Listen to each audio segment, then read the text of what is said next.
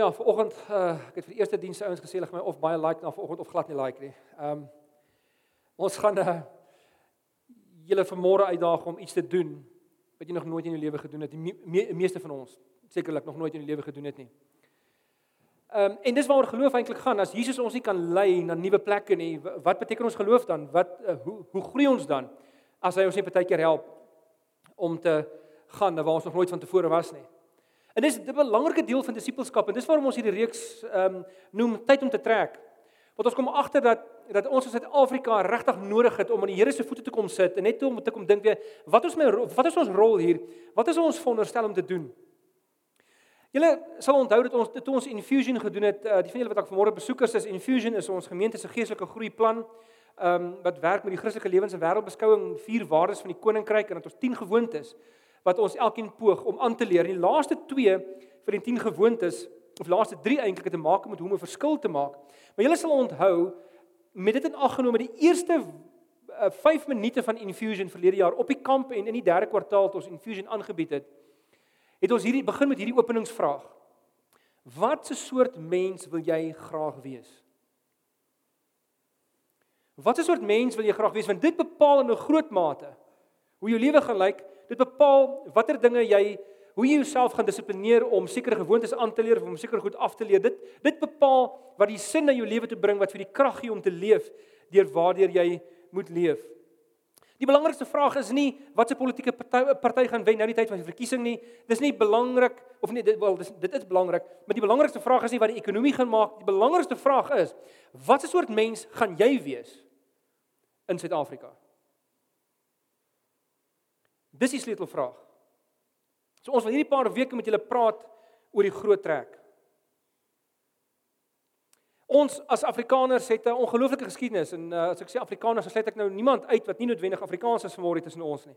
Maar die Here is tot so baie in staat deur um hy het ons so gemaak dat ons dit tot so baie in staat is. In ons Afrikaner geskiedenis het ons die groot trek gehad 'n hele paar honderd jaar gelede toe die ouens die guts gehad het, die haar op hulle tande om om saam met hulle mans en vrouens in gesinne letterlik uit die beskawing uit te trek, die onbekende in met hulle ossewaans bo die berge en deur valleie en deur riviere. Ek sê vir julle, dis 'n tyd wat ek bly is ek het nie geleef nie, want ek sou dit nie survive het nie. Dit was mense wat taaf was.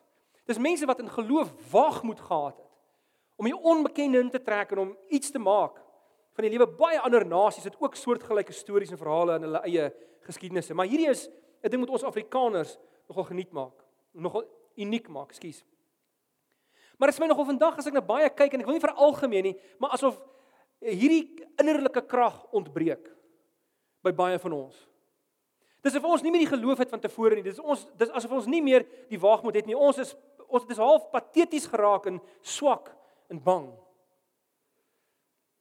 Daarom speel ons nie altyd die rol wat ons veronderstel is om te speel uh, wat die Here graag wil hê ons moet speel nie. Daarom um, het die Here speel ons nie altyd speel ons nie altyd die rol wat ons waarvoor die Here ons geroep het nie. Mense gebruik baie keer kinders, jy weet hoe jy weet as daar hoop vir my kinders in Suid-Afrika, hoe moet ek my kinders grootmaak? Moet ek nie my goed vat en trek na 'n ander plek toe nie?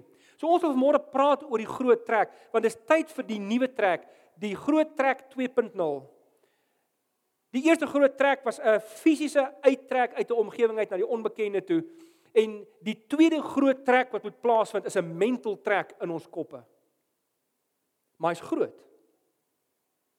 Dis groot skuwe om te maak en daarom praat ek, weet ek vroeër gepraat het dat ons julle vanoggend gaan iets vra om iets te doen om gewoontes aan te leer wat julle dalk nog nooit van tevore gedoen het nie. Maar dis nie, dis kontroversieel in ons konteks as 'n Afrikaner gemeente of as 'n gemeente in Suid-Afrika, maar dis nie kontroversieel vir die Bybel en vir die evangelie nie. En dis konteks wil ek miskien hierdie volgende ehm um, die volgende fliek as voorbeeld gebruik. Uh, julle almal weet nou al ek is 'n Lord of the Rings fanatic en ek so nou dan haal ek die ding aan want daar is so baie rykdom in hierdie ongelooflike storie, maar ehm um, nou as jy die fliek nie gekyk het, jy moenie worry nie. Weet ons of jy bid na die tyd in jou hande op lê en so aan, maar ehm um, jy hoef nie die fliek te ken om te waardeer wat ek nou vanoggend vir julle gaan sê nie. Daar's hierdie een van die hoofkarakters naam is Aragorn. Hy is die ene wat met die koningsbloed, die die ehm um, die koninklike bloed in sy lyf rondloop. Hy is die afstammeling van koning Isildur wat 2000 jaar van tevore geleef het of 3000 jaar van tevore geleef het. Um maar Aragorn wat met hierdie koningsbloed in sy lyf rondloop, speel of leef die rol van wat hulle in die fliek noem 'n ranger, 'n swerwer. Hy swerf rond, hy speel nie die rol van 'n koning nie. Want hy loop met vrese, hy loop met onsekerhede oor homself, oor wat hy moet doen, oor wat sy rol moet wees en hy vergeet miskien so nou en dan so bietjie eintlik wie hy is.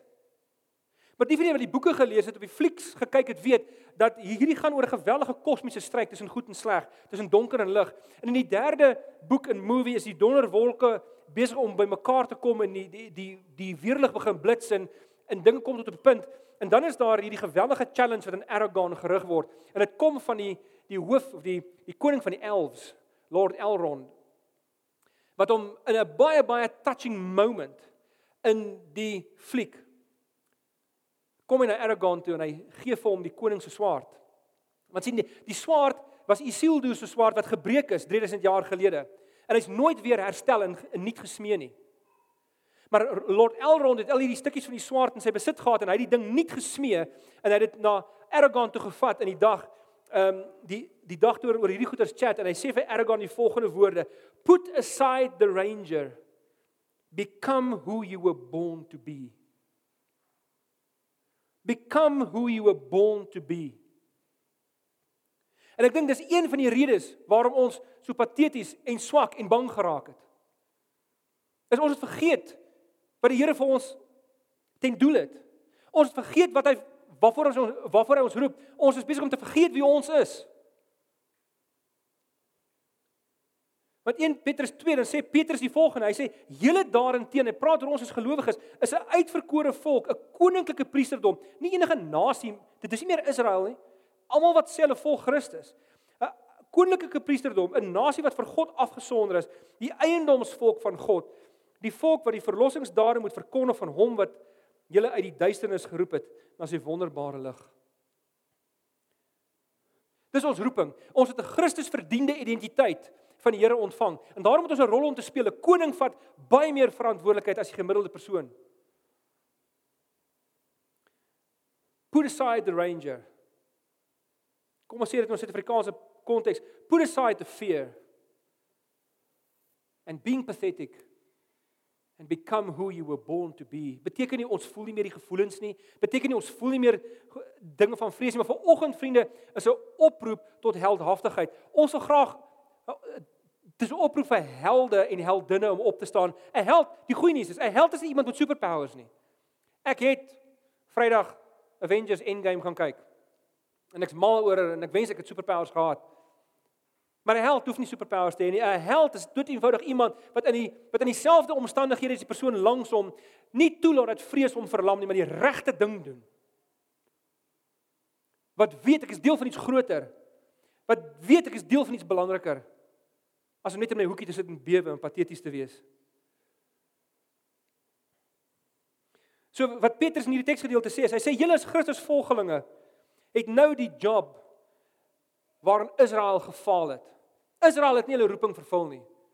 Die Here het hulle geroep van jongs af van die tyd van Abraham of van die skepping af, for that matter, maar veral van Abraham se tyd af in Genesis 12 en hulle het eenvoudig net nie hulle roeping vervul nie. En ek deel ek dink deel van die rede waarom ons sukkel hiermee, waarom ons nie ons rol vervul nie, is die Christelike geloof het 'n toeskouersport geword. Ons sit in die paviljoene en ons skree vir die Here en ons sing vir hom liedjies. En asseblief, liedjies sing is amazing. Ons moet asseblief nooit ophou sing nie. Ons is en moet 'n singende community wees. Selfs in tye van swaar kry moet ons sing. Lees bietjie Handelinge 16. Maar ons sing op die paviljoen die regte goed, maar ander mense speel namens ons. Ons speel, on, on, ons is nie in die game nie. En dis die groot probleem in die Christelike geloof is nie 'n toeskouer ding nie. Jesus het gesê, "Volg my." Die eerste stap wat jy neem op pad toe is nie noodwendig 'n ding wat jy in jou kop maak nie, dis 'n dis 'n jy skuif jou lyf iewers heen agter die Messias aan, agter die Here aan.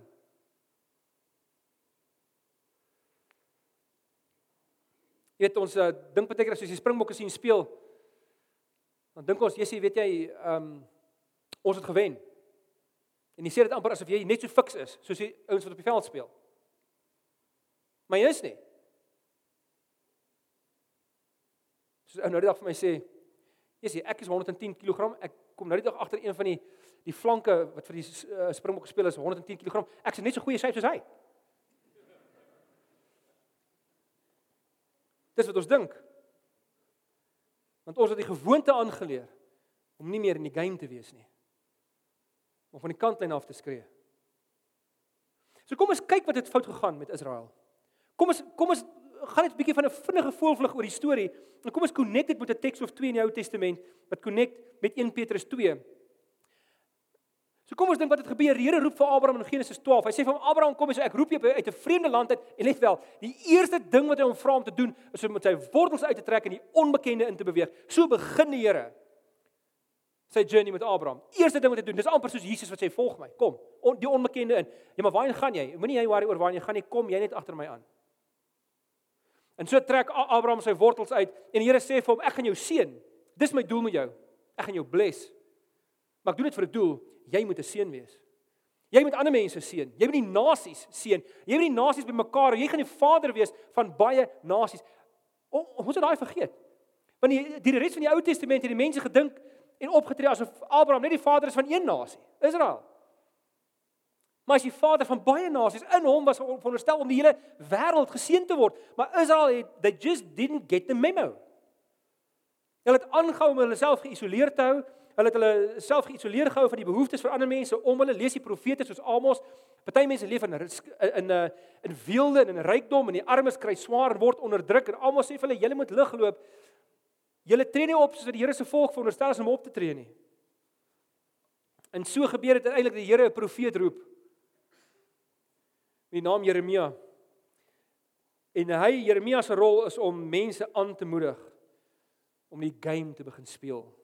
Dit wat die Here aanvanklik vir hulle in gedagte gehad het om die game te speel soos wat hulle veronderstel is om te om dit te doen. En hier so 11 hoofstukke lank begin Jeremia moan. Hy begin goed. Here sê vir hom, maar uh, hier's die ding. Uh, uh, hulle gaan nie vir jou luister nie. Jeremia, jy moet die ding jy, jy moet jou ding doen, jy moet die job doen, maar jy gaan nie altyd suksesvol trouens jy gaan glad nie suksesvol wees nie. Hulle gaan nie vir jou luister nie.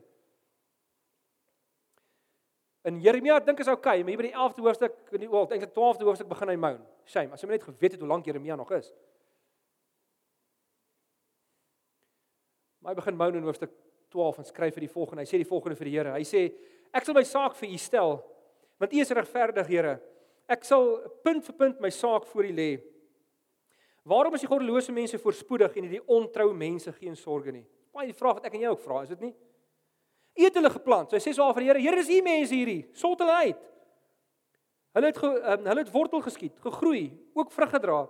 Neem, sies hulle neem u naam graag op hulle lippe maar U is nie in hulle hart nie. U ken my, Here. U sien my en toets my gesindheid teenoor U.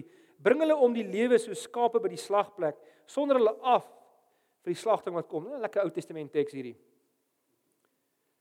Vers 4 sê: "Hoe lank moet die land nog droog bly? Hier is sy groot pyn. Hoe lank moet die land nog droog bly? Moet al die plante van die veld verdor?" Die diere en die voëls vergaan oor die boosheid van die inwoners van die land wat sê Jeremia sal nie langer leef as ons nie. So jy kan hoor, hy's in dieselfde situasie as ons. Hy hy's vies oor die onreg en die korrupsie en die misdaad en die goed wat gebeur en hy sê, Here, hoe lank nog moet die goed so lyk? My magtig, Here, doen iets. Dis mos u wêreld hierdie. En dan doen die Here 'n interessante ding. In die volgende verse antwoord hy vir vir Jeremia. Maar hy ignoreer al Jeremia se klagtes. Hy ignoreer die feit of hy ignoreer die dinge waaroor Jeremia kla, al die eksterne omstandighede. Hoor wat sê hy vir Jeremia? Hy sê vir hom: "As voetsoldate jou moeg hardloop, hoe sal jy teen perde kan hardloop? En as jy net in 'n vreedsame land veilig voel, hoe sal jy maak in die digte bos aan die Jordaan?" Met ander woorde, dis asof die Here al die eksterne goed waar hy mou ignoreer en sê: "Jeremia, vergeet van die ander goed. Ek wil jou ek ek wil oor jou praat. Jy kan meer wees.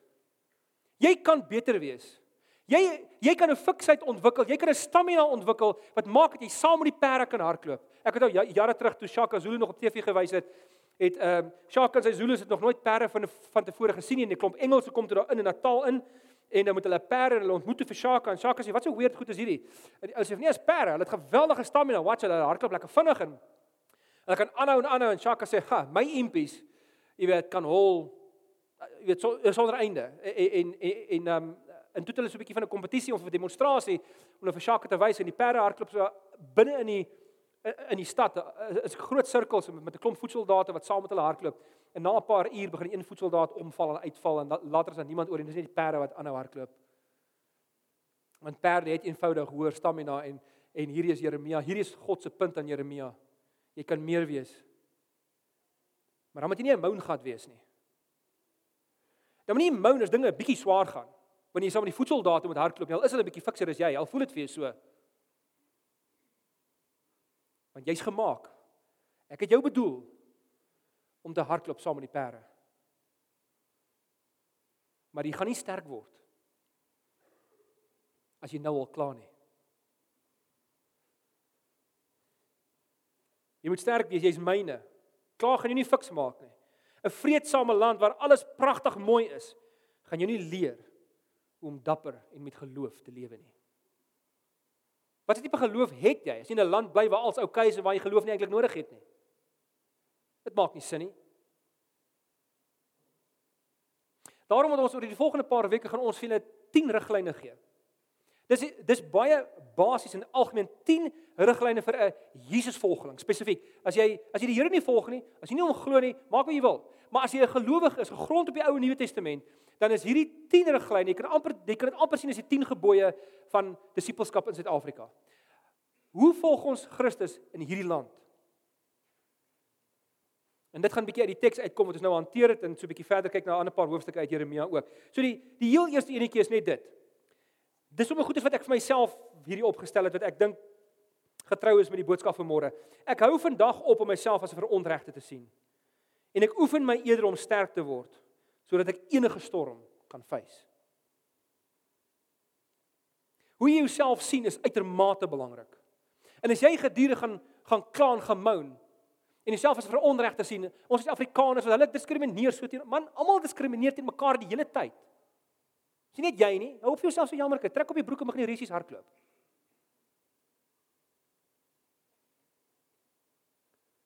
Kom in die game in. Want mense wat hulle self as verontregte sien, wat sit in klaar by braaivleisvuure en net gif saai waar hulle kom, dis mense wat op die paviljoene sit. Want Christus verwag van jou en hy het sy lewe gegee en hy het sy bloed laat stort sodat 'n game kan plaasvind. Sodat 'n spel gespeel kan word. Sodat 'n rol vervul kan word. En die rol is nie om 'n hoekie te sit en pateties wees. En swak wees en bang wees nie. So die vraag is, hoe wil jy jou kinders grootmaak? Veilig of sterk? Die die Bybelse boodskap is hoor nou mooi. Die Bybelse boodskap is hou jouself veilig so ver jy kan, maar veiligheid is overrated. Volg die Here op so 'n manier dat jy sterk word. Maar dan maak dit nie saak wat na jou toe kom nie. Dan maak dit nie saak wat 'n storm jy face nie. Word 'n stormloper, nie 'n slagoffer nie. Want as jy dit doen, dan kan jy die lig skyn. Dan kan jy actually iets werd wees.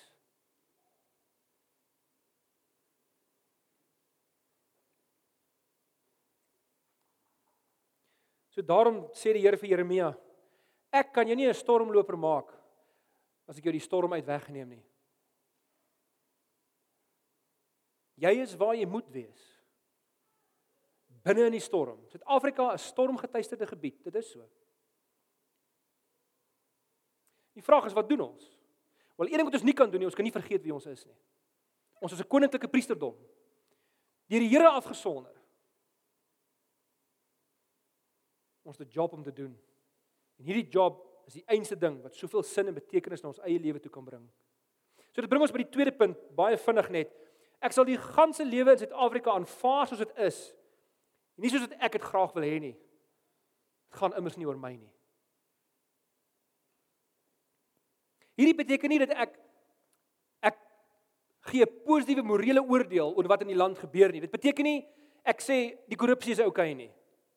Die diefstal is oukei, die misdaad is oukei. Dit beteken nie ek ontken dit, ek seer dit, dat ek pyn het en dat ek te nagekom is nie. Dis nie wat dit beteken nie. Dit beteken net eenvoudig dat op 'n eksistensiële vlak, op 'n belewenisvlak, aanvaar ek dinge soos dit is. En aanvaar ek dat die Here in hierdie situasie kan werk. Nou toe gebeur dit op 'n stadium dat Israel weggevoer word in ballingskap.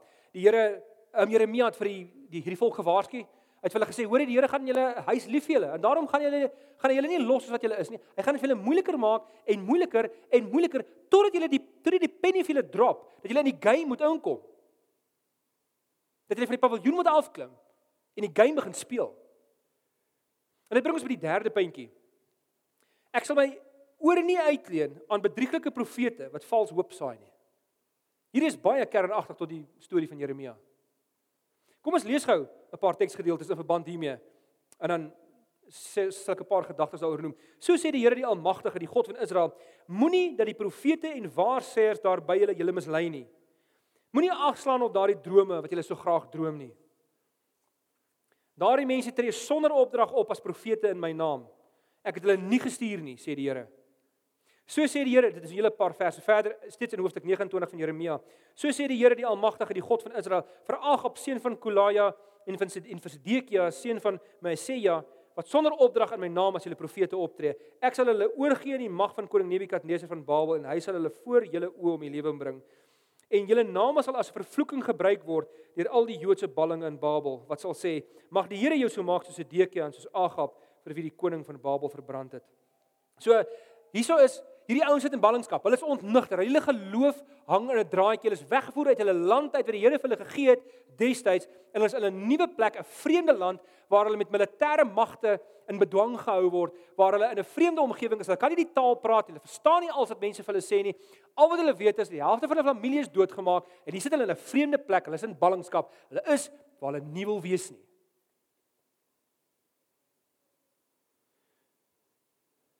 En toe daar ouens opgetree in die Here se naam. Vals profete wat hulle vals hoop gegee het. Wat was die vals hoop? Die hoop was ouens, moenie worry nie. Julle gaan sommer gou vinnig weer terug aan Jerusalem toe. Hierdie swaar kry gaan nie lank aanhou nie. Moenie stres nie.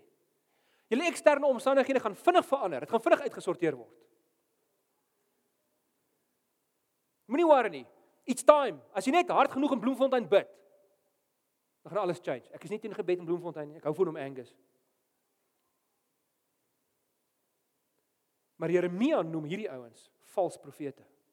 Want hy sê julle hoop is nie veronderstel om te lê in jou eksterne omstandighede wat gaan verander nie. Jou hoop is in God.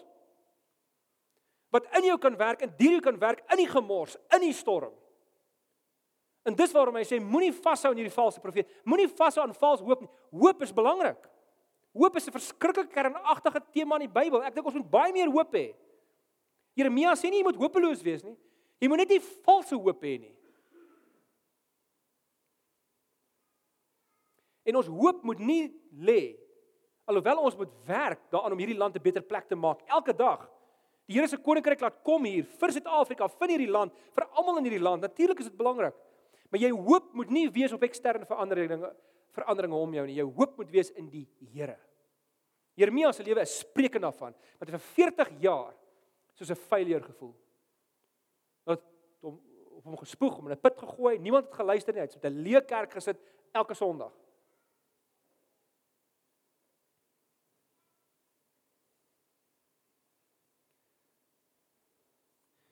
Die Here het hulle 70 jaar in ballingskap laat bly. So die Here sê vir hulle, julle gaan nog 'n rukkie hier wees. Moenie valse hoop kry dat goed gaan change nie. Ouens, goed mag dalk change. En dan sê ek baie bly daaroor. Ek bid vir change. Ek bid dat eksterne omstandighede gaan verander maar dis nie waar ons lewensvreugde en ons heil kan lê nie. Ons moet innerlik sterker wees as dit. Ons moet sterk genoeg wees om die storms te face. En dit is interessant, hy sê hierso hierdie ouens um, hulle name gaan as 'n vervloeking gebruik word. Hierdie valse profete wat jou ehm um, vir jou hoop gee en word jy ontnigter. En dan gee dit vir jou hoop en dan word jy ontnigter. En dan kry jy hoop en dan word jy ontnigter. Hulle name gaan as vloekwoorde gebruik word oor 'n paar jaar. Julle gaan terugdink en dink deksels. Stoffel van vuuring. As jy hand raak slaan, sê jy stoffel van vuuring, boem. Hulle name gaan 'n vloekwoord word want hulle het vals hoop gebring. Hoop wat nie van die Here afkom nie.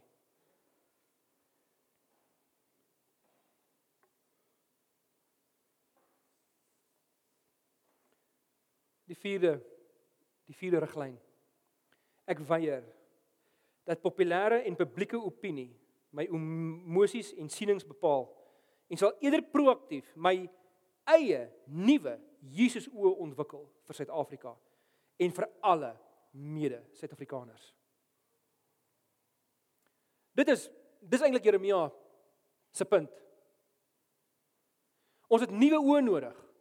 Ons moet na ons omgewing kyk, na ons situasie kyk deur deur 'n nuwe lens met nuwe oë. Daar's 'n boek wat ek dink elke gelowige mens moet leef, uh, moet moet lees. Want elke mens kan hom lees. Dit is 'n sekulêre boek getiteld Iconoclast. Dit is uh, in 2010 is die boek al vrygegee en ek ek moet so 'n bietjie gaan kyk na of die neurowetenskaplike navorsing in die boek nog nog nog trede moet vandag en dit is ouens haal dit vandag nog aan. Neurowetenskaplikes haal die boek vandag nog aan as 'n as 'n baie goeie rigting 'n rigter 'n rigtingwyser. Nou wat se ding is 'n Iconoclast? 'n Iconoclast is volgens uh, Burns is dit iemand wat radikaal anders dink as ander mense. Hulle hulle observeer die realiteit beter as meeste mense. Hulle kry dit reg om die ondoenbare te doen. Hulle maak veroorsaak groot kopskuive in die samelewing. En hulle bewerk positiewe transformasie op 'n groot skaal. Dis daar's baie sulke mense, almal van morele kampvegters soos Martin Luther King en Gandhi en ek weet en wie ook al tot mense in die mediese wetenskap of van die wat wat MRI scans ontwerp het. Dis almal mense hierdie wat anders denkendes was. Mense wat 'n positiewe rol gespeel het in 'n samelewing is mense wat radikaal anders dink. Nou hier's Gregory Burns se punt. Hy sê die die neurowetenskap wys vir ons dat by as dit kom by hierdie soort mense, mense wat 'n positiewe verandering bring, dan werk hulle breine werk fisiologies anders op drie areas. Hoe hulle dinge observeer en waarneem, hoe hulle reageer op vrees en hoe hulle connect met mense. Vandag praat ons net oor die eerste een. Volgende week gaan ons praat oor vrees. Die week daarna gaan ons praat oor die connection met mense. Maar hierdie is Burns se punt. Hy sê 'n vrek interessante ding. Wel, ouens sê dit nou al lank al afgelope 15, 20 jaar in neurowetenskap, maar hy sê meeste mense of, of liewer, met alle mense werk dit so. As jy op 'n ding fokus, jou oë wer neem nie als waar wat hy moet waarneem nie. As ek fokus op daai oorlosie daar agter, dan weet ek daar's 'n oorlosie en en vir my skep ek my brein skep met die indruk dat van die oorlosie af na my periferie toe so aan die kante toe sien ek ook allerlei dinge. Maar dit is eintlik nie waar nie. Ek ek sien nie regtig alles nie. My my my my oë, die lig wat deur my oë opgeneem word, word soveel kere geïnterpreteer deur my brein dat ek kyk eintlik ek ek ek, ek neem eintlik net gedeeltelik waar.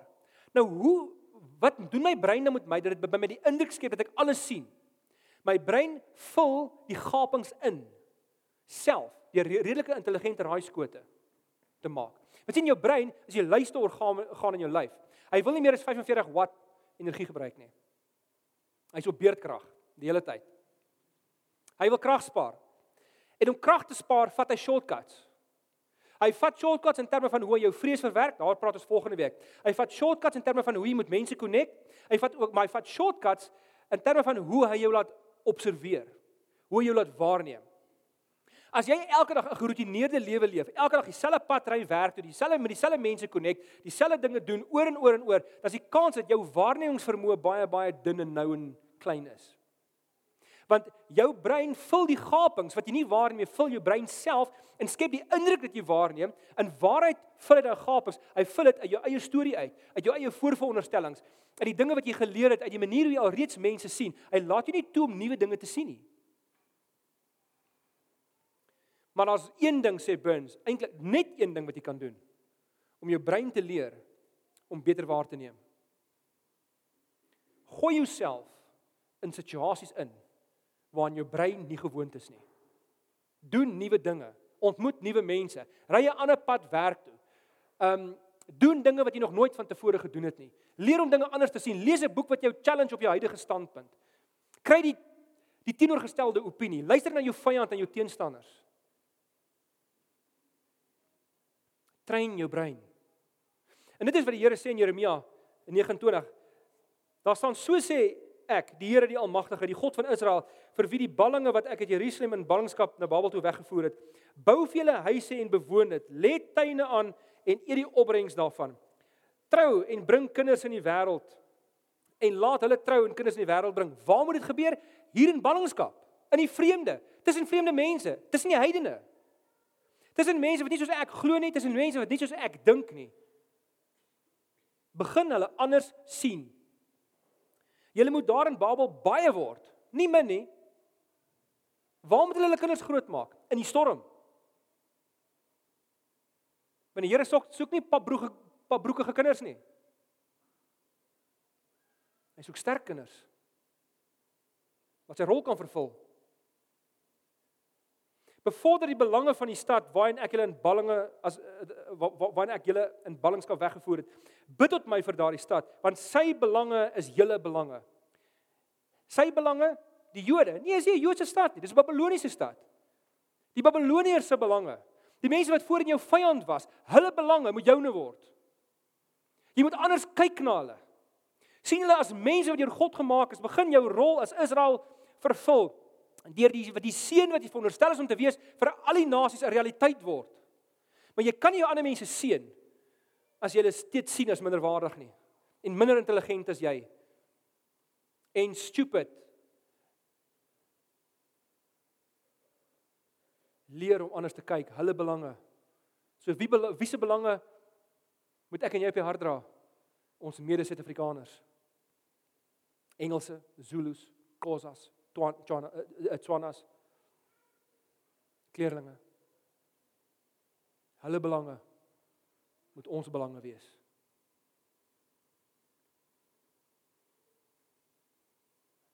Soms lekker wees as ons ou boerevolkie 'n bietjie van die geloof en die dapperte en die waagmoed kan terugkry wat ons vroeër gehad het. Maar dis bang om mense wat laer trek. Dis bang om mense wat gedurig wil beklei en die vyand wil uitwis Dis dapper mense wat weet wie hulle is, wat gemaklik in hulle eie skoene is, wat die vryheid het om die hand uit te steek na 'n swart broer of suster. En bereid is om hulle anders te sien. Die Here sê ek weet wat ek vir julle beplan, sê die Here, voorspoed en nie teenspoed nie. Ek wil vir julle 'n toekoms gee. 'n Verwagting. Waar? In die storm. In die moeilikheid. Dan sal julle my naam aanroep tot my kom bid en ek sal julle gebede verhoor. So kry nuwe oë vir hierdie onvolmaakte omstandighede waarin jy is. God het julle nie verlaat nie. Hy's lief vir julle. Hy gee om. Hy's aan julle kant. Maar omdat hy aan julle kant is, is hy meer as enigiemand anders geïnteresseerd daarin dat jy so sterk word as moontlik sodat jy die storms in 'n land soos hierdie eh, soos Suid-Afrika kan bemeester en sodat jou kinders kan leer hoe om dieselfde te doen. Met ander woorde sien die storm as die plek waar God werk. Storms is die ryp grond waarin die Here bome plant wat uiteindelik skade bring vir baie. So kry hy julle in die game en so kry hy ons in die game in. Ons sit op die as ons gedurig weet bitch en klaan, weet alles wat gebeur en die slegte goed wat plaasvind in Suid-Afrika en hoe terrible dit is en wie gaan nou weer oorneem, jy weet, nou jy weet en dan sit ons nog op die paviljoene. Ons speel nie die game met Christus waarvoor Christus gesterf het nie. Ons mag dalk hom ken, ons mag dalk vergewe wees, ons mag dalk nuwe mense wees in posisie voor die Here, maar ons lewenspraktyk toon dit nie. Ons is minder as wat ons kan wees.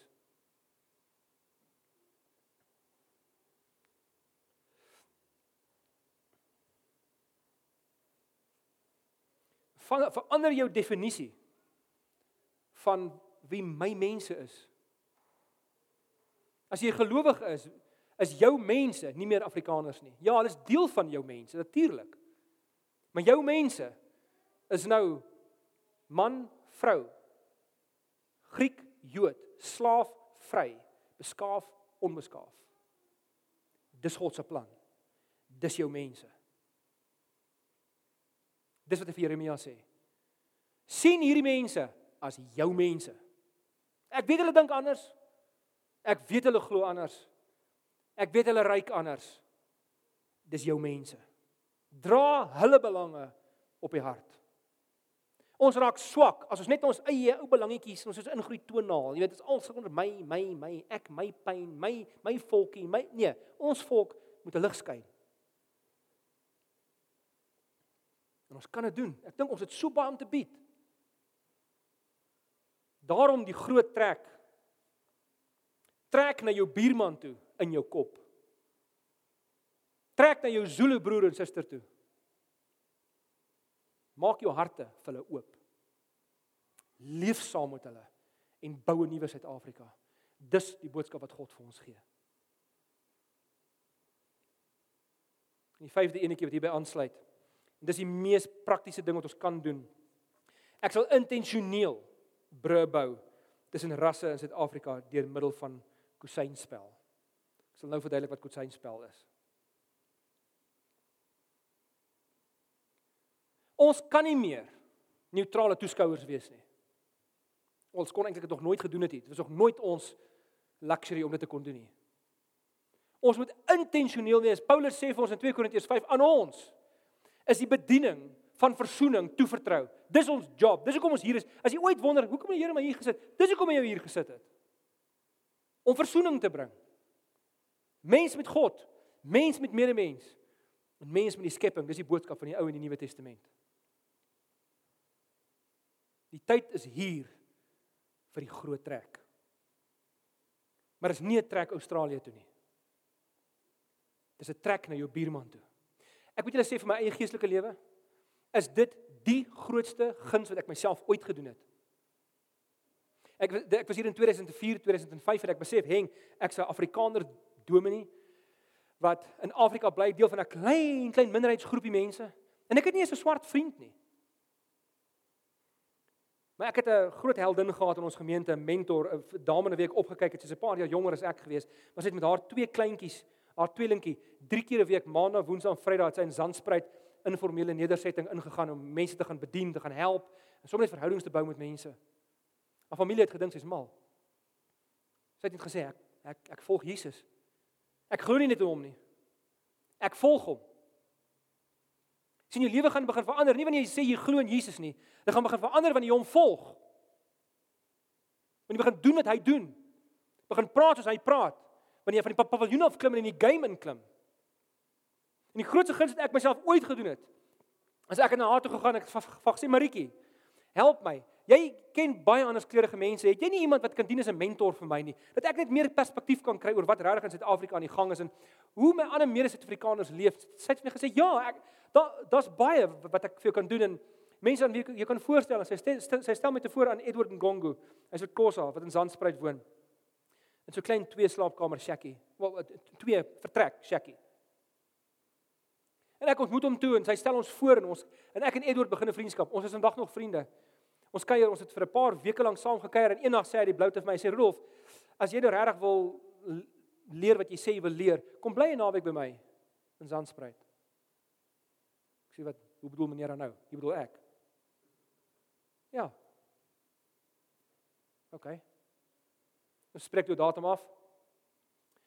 In die maand die donderdag aand net voor die Vrydag wat ek Zandspreek toe gaan, sit ek saam met my mannegroep. Ehm um, en daar's twee polisiemanne onder hulle. En ek sê vir hulle so ewe casually, hoorie bid bietjie vir my, ek gaan môre Zandspreek toe en hulle oor rek net so groot sê as jy mal.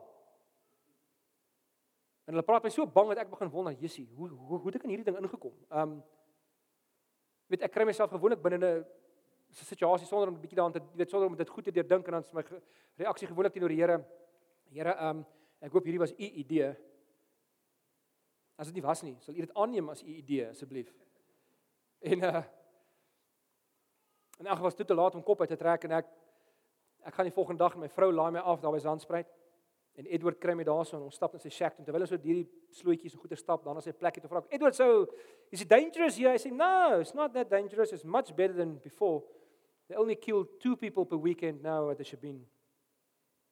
Sê, "O, hoe ver is die Shabin?" "No, far, don't worry, 50 yards." Nee, ek dink jy moet heeltemal verder wees. En daai naweek het my lewe verander. Trouens het dit so impak op my lewe gehad. Daar's nie 'n enkele, ek het seker die mense wat hele naweek tou gestaan by Edward se shack. Tou, ek 'n proet soos, soos 'n toue om te kom kyk wie sê white tea wat hier tussen ons bly. En ek het nie een vyandige oog gesien nie, nie een nie. Hulle het almal vir my gesê, "We so glad you're here. Bring your family next time." My verhoudings, dit het so impak op my gehad dat ek tot vandag toe nog, ek gaan nie 'n maand deur sonder om 'n draai te maak in Tembisa of in Ivory Park waar my vriende is. Elke keer as ek op die TV sien hoe toi toi die mense en hoe gaan hulle te kere en hoe dryf die politieke partye ons na twee uitlopende pole toe. Of hulle stem of as oorlog. Jy weet, geen perspektief nie. Hoe meer weet ek as ek dit sien op die TV, hoe meer weet ek wat ek daar sien is nie waar nie. Want ek ken vriende in Tembisa wat net soos ek worry oor die misdaad in die land. Wat net soos ek worry oor waar die volgende salarisie of die volgende inkomstetjie of bord kos vandaan gekom. Wat net soos ek worry oor die korruptheid in die land. Wat net so lei. Trouwens, ek moet eerlik wees, hulle lei baie meer as ek. Dit het my soveel perspektief gebring.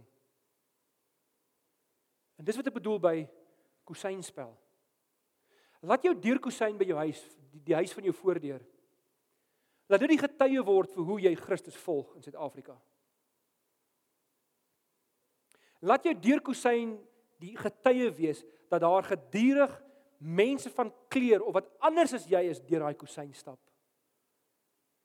En jou nanny tel nie ook nie jou tuin hulp nie. doen wat jy nog nooit van tevore gedoen het nie. Steek jou hand uit oor kleurgrense en bou vriendskappe. Leer hulle ken. Hoekom voel hulle soos hulle voel? Wat maak hulle bly? Wat maak hulle hartseer? Laat hulle jou beïnvloed soos wat hulle jou behoort toe te laat om hulle te beïnvloed.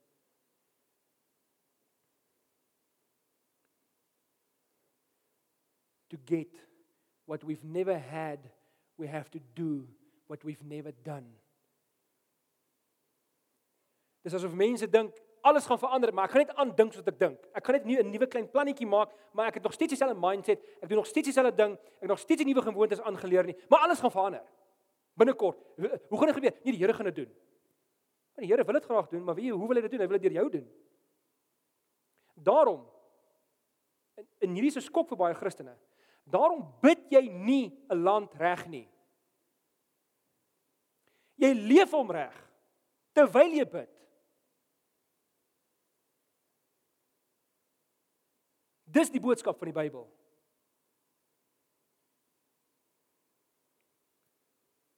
So asseblief, moenie ophou bid nie. Gaan Bloemfontein toe. Gaan na die plekke toe waar, waar ons bid.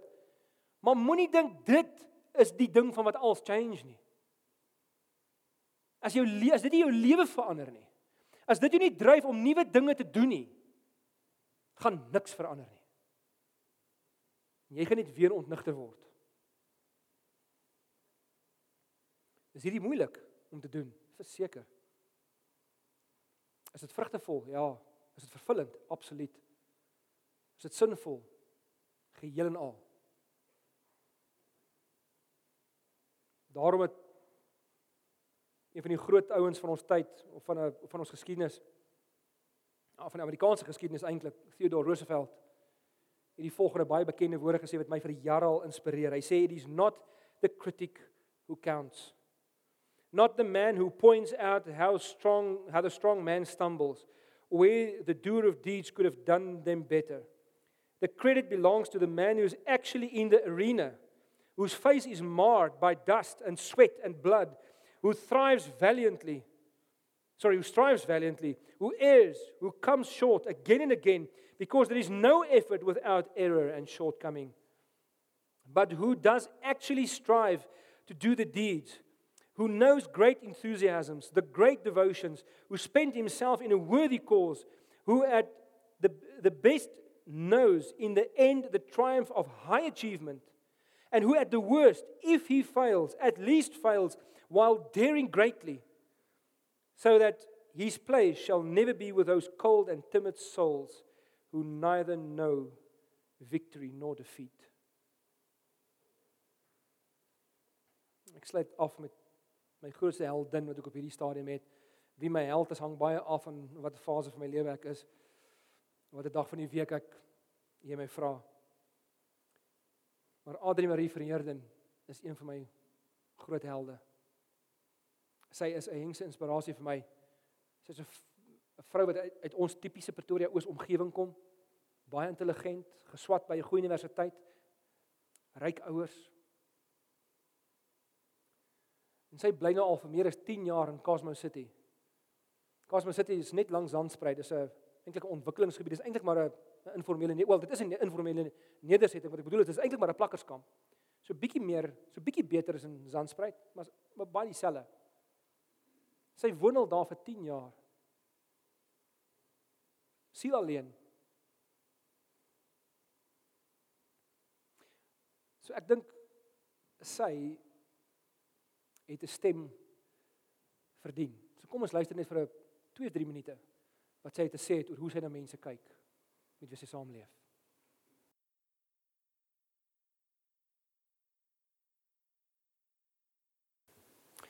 Ek wil net afsluit met daar's twee geleenthede wat ons uh die volgende tydjie het 'n bied wat wat julle aan kan aan deelneem as julle wil. Die heel eerste enetjie is dat ehm um, op die 8ste Junie is nog so 'n bietjie meer as 'n maand van nou af. uh het ons gereël dat almal van ons wat wil individue of uh, egpare of selfs gesinne. Ehm um, wat kans sien hiervoor uh om die oggend van die 8ste Junie se Saterdag gaan ons almal Tembisa toe, die wat nou hulle name opsit. En ons gaan daar oorslaap vir 'n aand. Ek doen hierdie goed al jare lank. Ehm um, vat gereeld mense vir 2, 3 aande Tembisa toe en geslaap oor en dan word mense ingedeel by maar net by die mense in die community. En nou ons werk saam met 'n gemeente daarso met wie ons al jare lank 'n verhouding het. En so as jy op hierdie manier uh die Here wil volg en jy oor wil so 'n bietjie jou eie perspektiewe verbreek. Uh party van julle het dit al het dit al gedoen. Uh is welkom. Julle kan julle name net opskryf as julle by die deur uitgaan by die toonbank kan julle name opsit. Die uh die die tweede ding is uh, eintlik vanaand oor 2 weke die 12de Mei die aand het ons nie reg deur die dag dieselfde boodskap nie. Die aand gaan ons hier hou in die in die hoofauditorium nie nie in in communitas nie. En ons gaan verskalk van Heerden vra en vir Janie Erasmus ek gaan hulle 'n bietjie interview hier op ons verhoog. Uh, Janie Erasmus is die ou wat in die video vir Adri Marie geïnterview het. Hy was my ex-kollega by Dialoog. En um, Johan ekskuus um, skalk van Heerden werk saam met Rolf Meyer um, aan versoening in Suid-Afrika. Hy uh, plekke kry om baie om te kan praat oor grondhervorming En ek moet julle sê dit gaan 'n dit gaan 'n blaast wees. Hierdie twee saam is 'n is 'n sirkus. Ons gaan ons dood lag. Uh dis hoekom ek kom. Is is is eintlik vir die lag. Um maar ek wil vir hom dit nie mis te loop nie. Al het jy die oggend die diens bygewoon, kom jy aand ook. En en kom beleef dit saam met ons. Dit gaan net vir jou 'n geweldige perspektief bring om uh, saam met ander mense te kom sit en luister. En ons gaan kans gee vir vrae en antwoord. Jy kan vra vra of jy kan verskil met dat hierdie twee ouens wat gewoond is daaraan om na gehoor te luister uh en wat uitgehaal word en jy weet die ouens verskil met hulle en en so aan. Maar ek wil uit om dit om dit nie te mis nie. Ek weet ons het 'n bietjie lank oor gegaan, maar ons gaan nou afsluit. En ehm um, ons gaan afsluit met 'n sang deur middel waarvan ons net vir die Here sê, Here, gee my nuwe oë. Maak my oë oop. Uh help my om my train my brein deur die werking van die Heilige Gees sodat ek mense sal sien met nuwe oë en nie soos wat die media mense aan my skets nie of soos wat my mede my ander weet my my ander mede-Suid-Afrikaners my dwing om na mense te kyk nie. So kom ons praat met die Here want hy's hier en hy het belang by wat hier gebeur. Liewe die Here, ons God. Here ons wil heel eers sê ag ons ons is jammer waar ons baie keer faal en so blind is vir baie van die van van van ons sprekende realiteite wat ons net nie eenvoudig nie raak sien nie. Vergewe ons Here en ons wil vir U vra vergewe ons dat ons nie altyd ons ons roeping vervul nie. Dat ons nie altyd word of streef om te word wat ons kan wees nie. So Here help ons daarmee. Help ons om die beste te wees wat ons kan wees. Help ons om nie te skrik vir storms nie, maar help ons om om alhoewel ons die vrees voel en die pyn voel en die hartseer wat ons oorgekom het voel dat ons nie dat dit ons sal gevange hou nie. Maar dat U ons sal bevry daarvan dat U vir ons nuwe perspektief sal gee. So Here, ons vra hierdie ons vra hierdie volgende vir U. Open the eyes of our hearts. Maak ons oë oop. Dat ons as mede-Suid-Afrikaners sal sien soos wat U hulle sien. Met genade, met geloof, met hoop en met liefde. Help ons om ons kinders so groot te maak, Here, met oop oë. Ons bid dit as gevolg van u en net ter wille van u.